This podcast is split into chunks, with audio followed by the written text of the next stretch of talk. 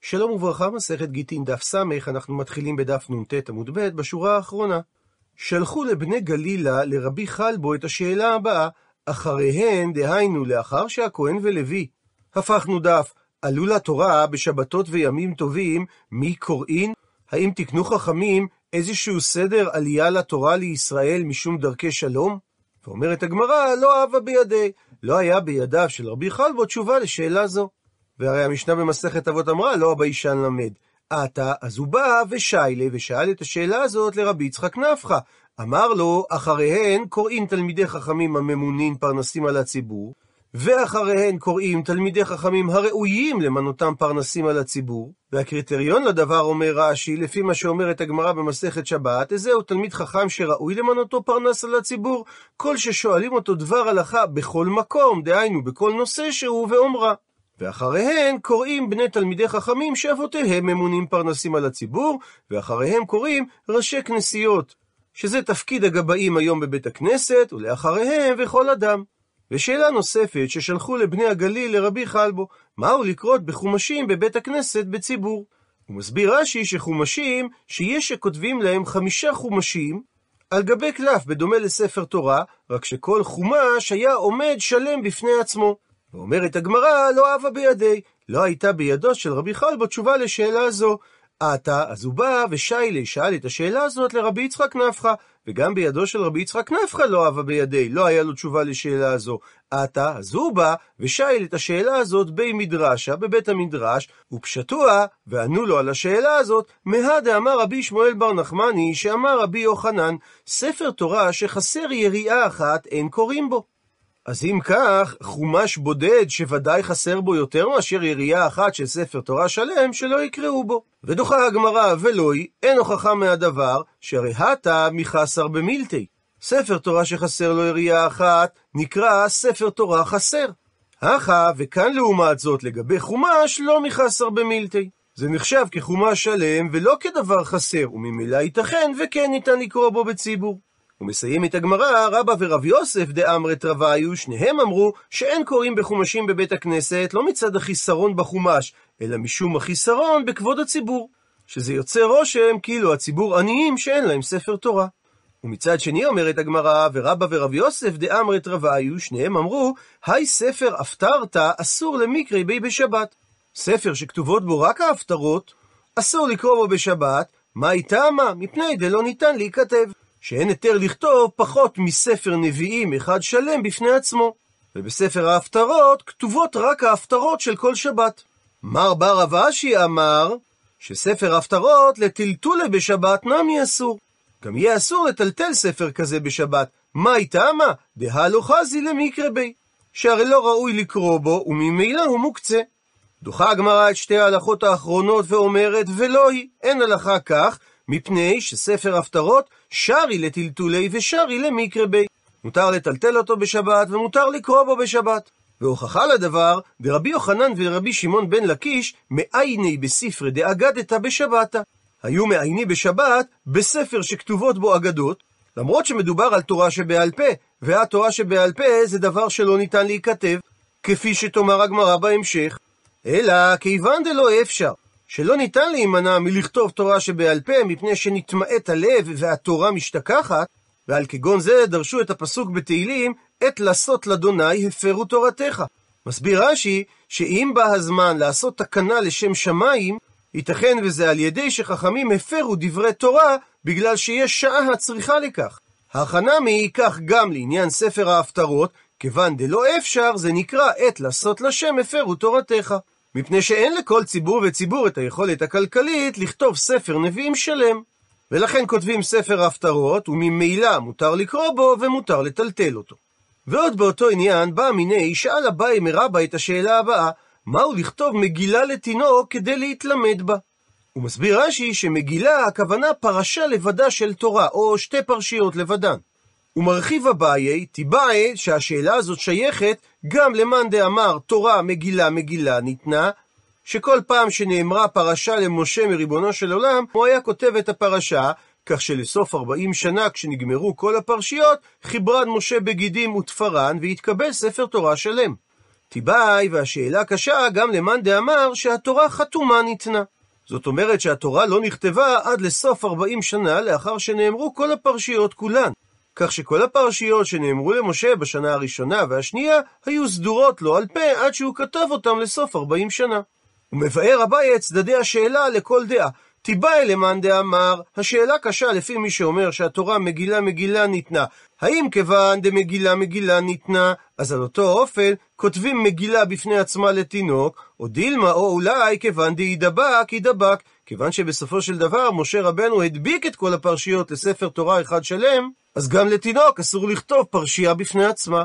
תיבאי, והשאלה גם קשה, למאן דאמר שהתורה חתומה ניתנה, שהאם נאמר כיוון דחתומה ניתנה, אז אין כותבים פרשייה לתינוק בפני עצמו, או דילמה או אולי שמהבחינה הטכנית, כיוון דלא אפשר לכתוב ספר תורה שלם לכל תינוק כדי להתלמד בו, אז כתבינן מגילה בפני עצמה לתינוק, משום שזה נחשב עת לעשות לשם הפרו תורתך. אמר לי, ענה לו רבא, הדין שאין כותבים מגילה בפני עצמה לתינוק, אפילו על מנת להתלמד בה. ומה טעם הדבר? לפי שאין כותבין. מסביר רש"י, שאפילו למאן דאמר שהתורה ניתנה מגילה מגילה, כיוון שבסופו של דבר הדביק משה את הפרשיות זו לזו, אז התקבל להלכה שלא כותבים מגילות מגילות מתוך ספר התורה. הייתי וישאל אביי את רבא, והרי יש משנה במסכת יומא שאומרת, אף היא עשתה טבלה של זהב שפרשת סוטה כתובה עליה. והכוונה לאלני המלכה, שהייתה מלכת חדייב מצפון לסהר הפורה במאה הראשונה לספירה, שהייתה אשתו ואחותו של המלך מונבז הראשון, שהיא ובנה המלך מונבז השני התגיירו בסביבות שנת 30 לספירה, והיא עלתה לירושלים וחילקה צדקה ותרמה לבית המקדש נברשת זהב וגם את טבלת הזהב שאומרת הגמרא שעליה נכתבה פרשת סוטה. כדי שיוכל הכהן להעתיק ממנה את מגילת הסוטה, ובגלל תרומות אלה קראו עליה חז"ל את הפסוק זכר צדיק לברכה. מקובל להצביע על קברי המלכים, שזה מתחם קבורה מפואר ששוכן צפונית לעיר העתיקה של ירושלים, כקברם של אלני המלכה ושל מלכים נוספים משושלת מלכי חדייב. אז היא תרמה לבית המקדש פרשת סוטה כדי לכתוב משם את הפרשיות עבור הסוטות הבאות, משמע שמותר לכתוב פרשייה מהתורה בפני עצמה. ענה על כך, אמר רבי שמעון בן לקיש משום רבי ינאי, שהפרשה הייתה כתובה באלף בית, דהיינו בראשי תיבות. הייתי וממשיך אביי ושואל, אבל יש ברייתא שאומרת, כשהוא כותב, זאת אומרת, הכהן שכותב את פרשת הסוטה, הוא רואה וכותב מה שכתוב בטבלה. זאת אומרת שלא כתוב שם ראשי תיבות, אלא את כל הפרשה. עונה הגמרא, אימה תאמר שהוא לא כותב מה שכתוב בטבלה, אלא כמה שכתוב בטבלה. שזה אכן היה רשום בראשי תיבות, ולפי הסימנים הוא היה מבין וכותב את פרשיית סוטה. הייתי וממשיך אביי ושואל, הרי יש ברייתא שאומרת, כשהוא הכהן כותב את פרשיית הסוטה, הוא רואה בטבלה וכותב מה שכתוב בטבלה. ומרחיבה הברייתא, מה הוא כתוב בטבלה? את לשון הפסוק ממש, אם שכב איש אותך, ואם לא שכב איש אותך. ומכאן הוכחה שזה לא היה כתוב בראשי תיבות. מה שאומר שמותר לכתוב פרשייה בפני עצמה, מתרצת הגמרא, אחא במאי עסקינן, כאן בפרשייה שתרמה אלני המלכה, באיזה מציאות מדובר? שהכתב היה בסירוגין. שתחילת המקרא אמנם היה כתוב תיבה שלמה, אבל לבסוף ראשי תיבות. שבתחילת כל שורה אמנם הופיעו מילים שלמות, אבל בהמשך המילים הופיעו בראשי תיבות. ולכן זה לא סותר את הסברו של רבא שאסור לכתוב פרשייה מהתורה בפני עצמה. ואומרת הגמרא ששאלתו של אביי היא כתנאי, כמחלוקת התנאים במסכת סופרים, ששם נאמר, אין כותבים מגילה לתינוק להתלמד בה, ואם דעתו של כותב המגילה להשלים את המגילה לספר תורה שלם, אז מותר לכתוב את המגילה בפני עצמה. רבי יהודה חולק ואומר, שניתן לכתוב את הפרשיות בתורה כמגילות בפני עצמם, מבראשית עד דור המבול, זה פרשייה אחת. ובתורת כהנים, דהיינו בספר ויקרא, ניתן לכתוב מתחילת הספר עד ויהי ביום השמיני, שזה גמר ציווי הקורבנות, הרי שלדעתו של רבי יהודה ניתן לכתוב את התורה מגילות מגילות. ואגב שהזכירה הגמרא את המחלוקת האם תורה מגילה מגילה ניתנה או חתומה ניתנה, מביאה הגמרא את המקור למחלוקת. אמר רבי יוחנן משום רבי בנאה תורה מגילה מגילה ניתנה, והמקור לכך שנאמר פסוק בתהילים, אז אמרתי, הנה באתי במגילת ספר כתוב עליי. הוא מסביר רש"י שכך אמר דוד, אז אמרתי, כשערערו עליי שאול ודואג, לאחר שהרגתי את גוליית הפלישתי, והם רצו לפסול אותי מלבוא בקהל, והועד בבית המדרש שהאיסור הוא שלא יבוא המוני בקהל השם, אבל לא המונית. אז הנה באתי, עכשיו באתי לכלל ישראל, שכתוב עליי, מאז ניתנה התורה כבר הוזכרתי בה, שכתוב ואת שתי בנותיך הנמצאות. רמז לדבר שהם ניצלו בזכות דוד שעתיד לצאת מרות המואבייה, ונעמה ההמונית שממנה יוצא רחבעם. וזה נרמז בזה שכתוב את המילה הנמצאות, וכך כתוב גם בתהילים, מצאתי דוד עבדי. ומכאן הוכיח רבי בנאה שהתורה נקראה מגילה, משום דמתחילה נכתבה מגילת בראשית, ואחר כך מגילת נוח, ואחר כך מגילת אברהם, שזו המגילה אליה מתייחס דוד, כאשר הוא אומר, הנה באתי במגילת ספר כתוב עליו, דהיינו במגילת אברהם, שזו פרשת לך לך. רבי שמעון בן לקיש לעומת זאת אומר, שהתורה חתומה ניתנה, והמקור לכך שנאמר, לקוח את ספר התורה הזה ושמתם אותו מצד ארון ברית אדוני אלוהיכם, והיה שם בך לעד. ולשון הפסוק ספר התורה מעידה על כך שהתורה ניתנה גמורה ומסוימת ושלמה. וממילא נשאלת השאלה, מה רבי יוחנן יעשה עם ההוכחה של ריש לקיש, ומה ריש לקיש יעשה עם ההוכחה של רבי יוחנן? ואידך נמי, הרי גם לרבי יוחנן, הכתיב, הרי כתוב בפסוק לקוח את ספר התורה, משמע שמדובר על ספר תורה שלם, יענה על כך רבי יוחנן, הפסוק ההוא לבתר דאידבק. מתאר את הציווי של משה לאחר שהוא סיים לכתוב את כל הפרשיות והדביק אותם זו לזו. ומצד שני שואלת הגמרא, ואידך נמי, לשיטת ריש לקיש, גם הכתיב במגילת ספר כתוב עליי, מה שתומך בפירושו של רבי יוחנן שהתורה ניתנה מגילות מגילות. מביא ריש לקיש שתי אפשרויות להסביר את הפסוק כשיטתו. אפשרות ראשונה, ההוא פסוק מדובר דכל התורה כולה יקרא מגילה. והוכחה לדבר דכתיב, פסוק מזכריה נקרא בפנים, ויאמר אליי מה אתה רואה? ואומר אני רואה מגילה עפה אורכה עשרים באמה ורוחבה עשר באמה. הרי שכינה הנביא את כל התורה כולה בשם מגילה. אינמי, או גם אפשרות שנייה להסביר את הפסוק לכדרבי לוי, דאמר רבי לוי. שמונה פרשיות נאמרו ביום שהוקם בו המשכן, מפני שהם הוצרכו לאותו יום, והם נכתבו ונמסרו למשה בו ביום, ונכתבה כל אחת מהם במגילה לבדה, לפי שמובדלות ורחוקות זו מזו. ובהמשך, כאשר חזר משה והשלים את כתיבת כל ספר התורה, אז הוא צריך לכתוב מבראשית עד פרשת כהנים לבד, ואז דילג את פרשת כהנים הכתובה כבר במגילה, וכתב מפרשת כהנים עד פרשת שילוח טמאים, ודילג על פרשת שילוח טמאים שכבר הייתה כתובה בידיו במגילה, וכן השאר. ומהסיבה הזו נקראה כל התורה כולה מגילה. ואלו הן שמונה הפרשיות שנצרכו ליום שהוקם בו המשכן, פרשת כהנים ופרשת לוויים ופרשת טמאים ופרשת שילוח טמאים ופרשת החרמות, הפכנו דף ופרשת שטויי יין ופרשת נרות ופרשת פרה אדומה. ומבאר רש"י, פרשת כהנים זה אמור אל הכהנים, שהלכות כהנים כתובות בה, כגון לא ייטמע, לא ייקח, מום בו לא ייגש, ומפני שבו ביום שהוקם המשכן הוזקק לעבודה, אז הוא צריכה קדושתן להודיען, פרשה שנייה היא פרשת לוויים, שנאמר, קח את הלוויים בפרשת בעלותך, שבה יש הלכות לוויים. אפשרות נוספת יש אומרים שהכוונה לפרשייה ואל הלוויים תדבר, אבל דוחה רש"י ואומר, ואינו כן, כי מה עניינם אצל הקמת המשכן? הרי מעשה ראשון לא נהג עד סוף 54 שנה מיציאת מצרים. וסיבה נוספת, הרי זה נקרא פרשת מעשר ולא פרשת לוויים, אלא פרשת לוויים זה הפרשה שהוצרכה לבו ביום, מפני שנזקקו הלוויים לשיר. הפרשה השלישית זה פרשת טמאים, מה שנאמר, ויהי אנשים טמאים לנפש אדם, וזה נאמר משום הלכות פסח, והמשכן הרי הוקם באחד בניסן, לכן הוזהרה להם פרשת שילוח טמאים, וישלחו מן המחנה כל צרוע וכל זב, שהרי בו ביום הוקבעו שלוש מחנות, מחנה שכינה ומחנה לוויה ומחנה ישראל, והוזקקו לשלח את הטמאים מתוך המחנות, ומתוך כך הוזקקו הטמאים להישאל, שהואיל והם צריכים שילוח מתוך המחנה, אז הם לא יוכלו להיכנס למשכן, אז איך הם יעשו את פסחיהם?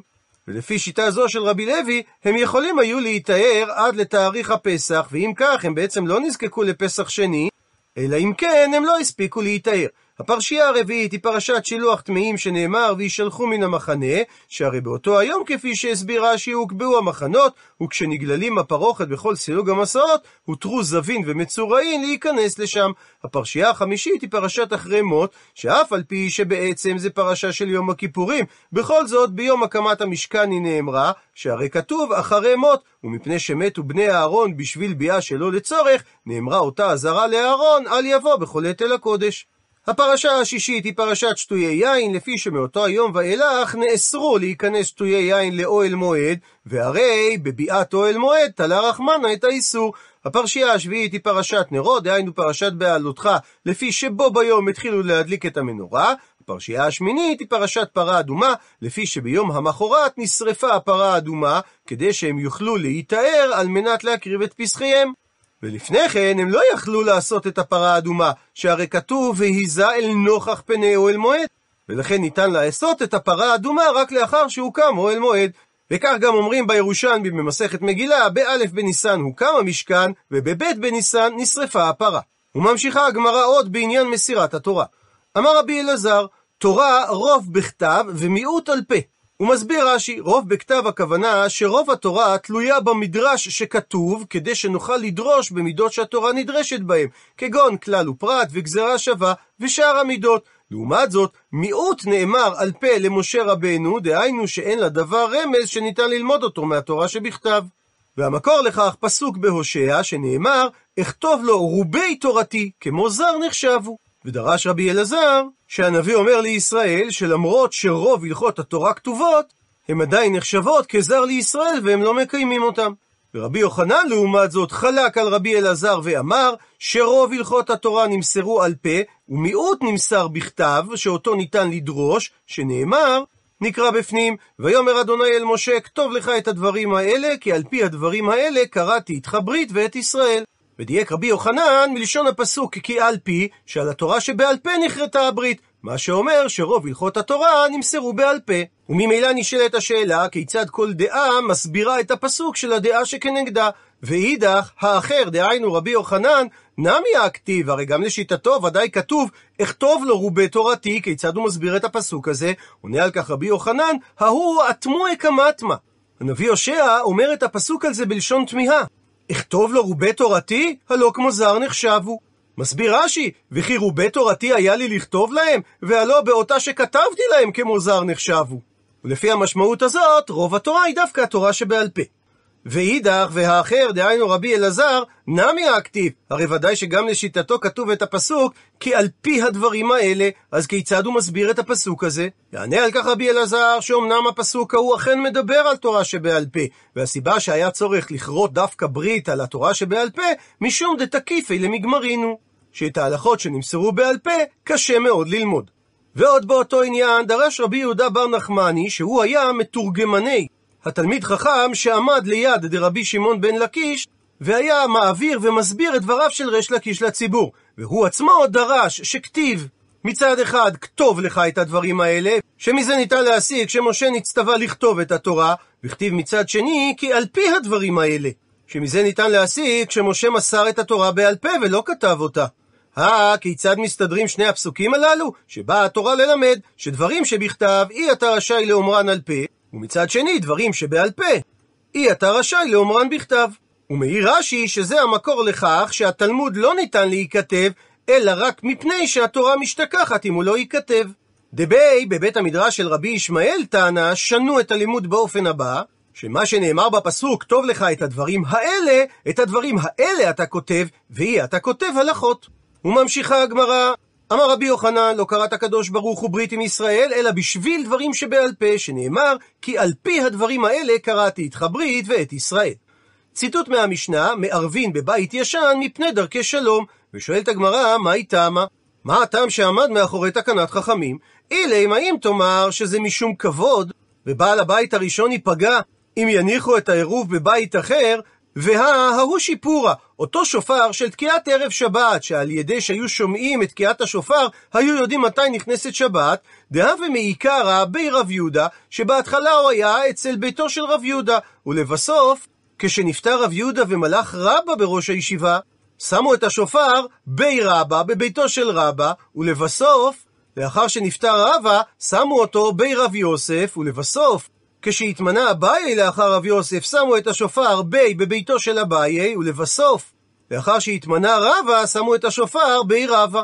מה שאומר ששינוי מקום השופר מבית לבית לא נחשב לפגיעה בכבוד בעל הבית הקודם, אלא אומרת הגמרא שהטעם מאחורי תקנת חכמים לא להזיז את העירוב מהבית הישן, זה לא משום כבוד, אלא משום חשדה. מסביר רש"י שהואיל והורגל לתת את העירוב בתוך אותו הבית, אז אם אתה משנה את מקומו, אנשים שנכנסים לאותו הבית ולא יראו שם את העירוב, יחשדו את בני החצר שהם מטלטלים בלא עירוב. ורש"י מציין להסברו של רב שריר הגאון, שהוא פירש בתשובתו, שמדובר על שופר של נדבה, דהיינו קופת צדקה, שהייתה מיועדת עבור בני הישיבה, וזה נקרא שופר כמו י"ג השופרות שהיו במקדש. ציטוט מהמשנה, בור שהוא קרוב לאמה מתמלא ראשון, ואומרת הגמרא, איתמר פתיחה למחלוקת המוראים. בני נהרה, שדות שנמצאות על שפת הנהר. רב אמר, תתי שתו מאיה ברישה? בעלי השדות התחתונים שרחוקים ממוצא הנהר, הם אלה שמשקים את שדותם בהתחלה, ושמואל אמר, אילי שתו מאיה ברישה. בני השדות העליונים, דהיינו שקרובים למוצא הנהר, הם אלה שמשקים את המים בשדות שלהם בהתחלה. ותוחמת הגמרא את מחלוקתם. בדמי ז"ל, כאשר הנהר מושך וזורם כדרכו ויש מספיק מים ולא צריך לסחור את הנהר כדי להשקות את השדות, אלא כולם דולים והולכים מהנהר, במקרה כזה כולי עלמא לא פליגי.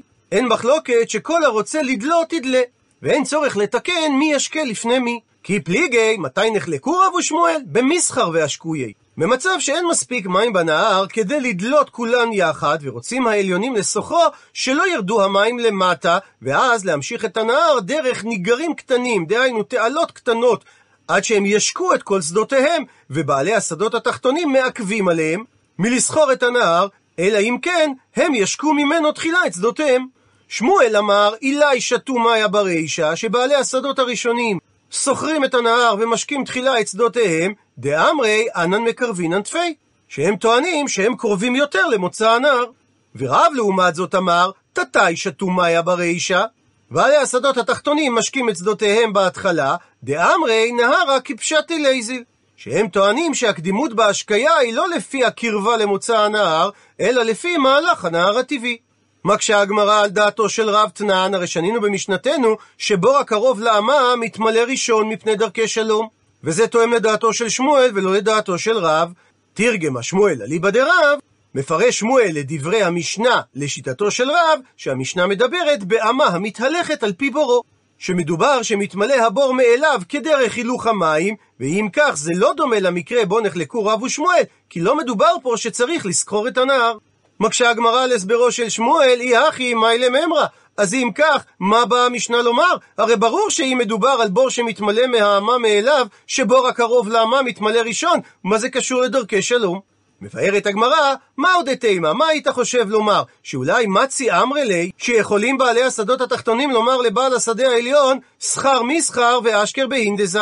תסגור את בי הבור שלך, כך שלא ירדו המים לתוכו מפני שזה ממעט את משיכת הנהר, ותשקה כפי מה שיעלה לך לדלות בדלי ממשיכת הנהר בדיוק כמונו. כמשמע לן, לכן באה המשנה להשמיע לנו, שבעל השדה העליון לא חייב לסגור את בורו. ולעניין פסיקת הלכה, אמר רב הונא בר תחליפה, השתא עכשיו דלא יתמר הלכתה, שלא נפסקה הלכה לא כמר ולא כמר, לא כרב ולא כשמואל, מה שאומר שרב הונא בר תחליפה לא מסכים לכלל שהלכתה כשמואל בדיני, בית דין לא פוסקים בעניין הזה, אלא כל דאלים גבר. מי שיותר חזק גובר על חברו. ומספרת הגמרא, רב שימי בראשי עטה לקמי בא לפני דאמביי ואמר לי לוטבן מר בעידנא יושיבני אדוני ללמוד איתו בעת קבוע. אמר לי אביי, אין לי זמן בשבילך ללימוד קבוע ביום, מפני שאית לי עידנא לדידי. יש לי זמן קבוע לעצמי לחזור על לימודי. המשיך רב שימי בראשי וביקש ולוטבן מר בלילה. אז תלמד איתי בעת קבוע בלילות. אמר לו אביי, אית לי מאיה להשקויי. אין לי זמן בלילות, צריך להתפרנס, אני משקה את השדות שלי בלילה. אמר לו רב שימי בראשי, אנא משכנה ללמר מאיה ביממה, אני אשקה את שדותיך בשעות היום, ולוטבן מר בלילה. וישב איתי הרב ללמוד באופן קבוע בלילה. אמר לו אביי על ההצעה הזאת לחיי. הצעה טובה ומקובלת, לך על זה. מה עשה רב שימי בראשי? אזל לאילי, הלך לבעשי השדות העליונים, אמר לו, תיתי שתו מאיה ברישה. הלכה כדעת רב שבעלי השדות התחתונים רשאים להשקות את שדותיהם תחילה, ואין אתם רשאים לסחור את הנהר.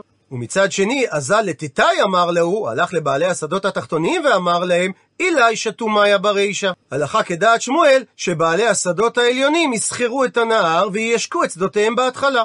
עד דאחי, ובינתיים, לפני שהם גילו שהוא אמר לאלה ככה ולאלה ככה, שכר מסקר ואשקי. הוא שכר את הנהר באמצע היכן שהיו שדותיו של אביי והשקע אותם. כי עתה לקמא דאביי, וכשהוא בא לפני אביי, אמר לאביי, כבית רי עבדת לי.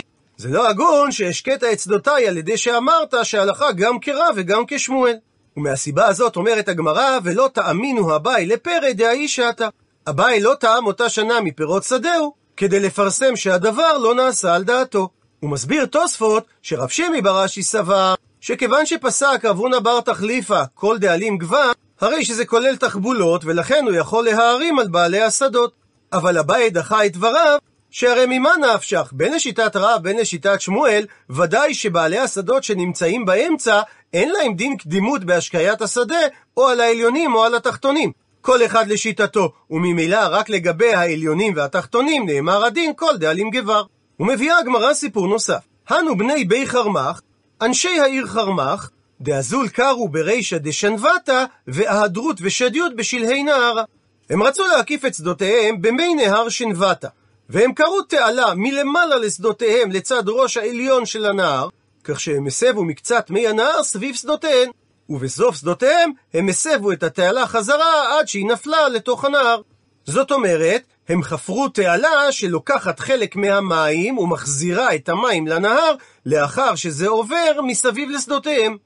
עטו אילי באו בני השדות העליונים לקמי לפני דאביי, ואמרו לי כמתקי לנהרין. הסבת הנהר גורמת לכך שהנהר שלנו נתקל ואינו נמשך מהר, ואז צפין המים דרך שדותינו, שכן דרך נהר שמסב, אין מימיו קלים לרוץ מפני העקמומית. אז בגלל התעלה שעשו בני חרמך, נגרם נזק לשדות העליונים שהנהר מציף אותם. אמר להו אביי, קרו בהדיו תפי פורתא.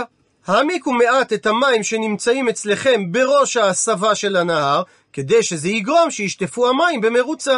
אמרו לבני השדות העליונים לאביי שזה לא פתרון טוב, מפני שכיבשי פרין.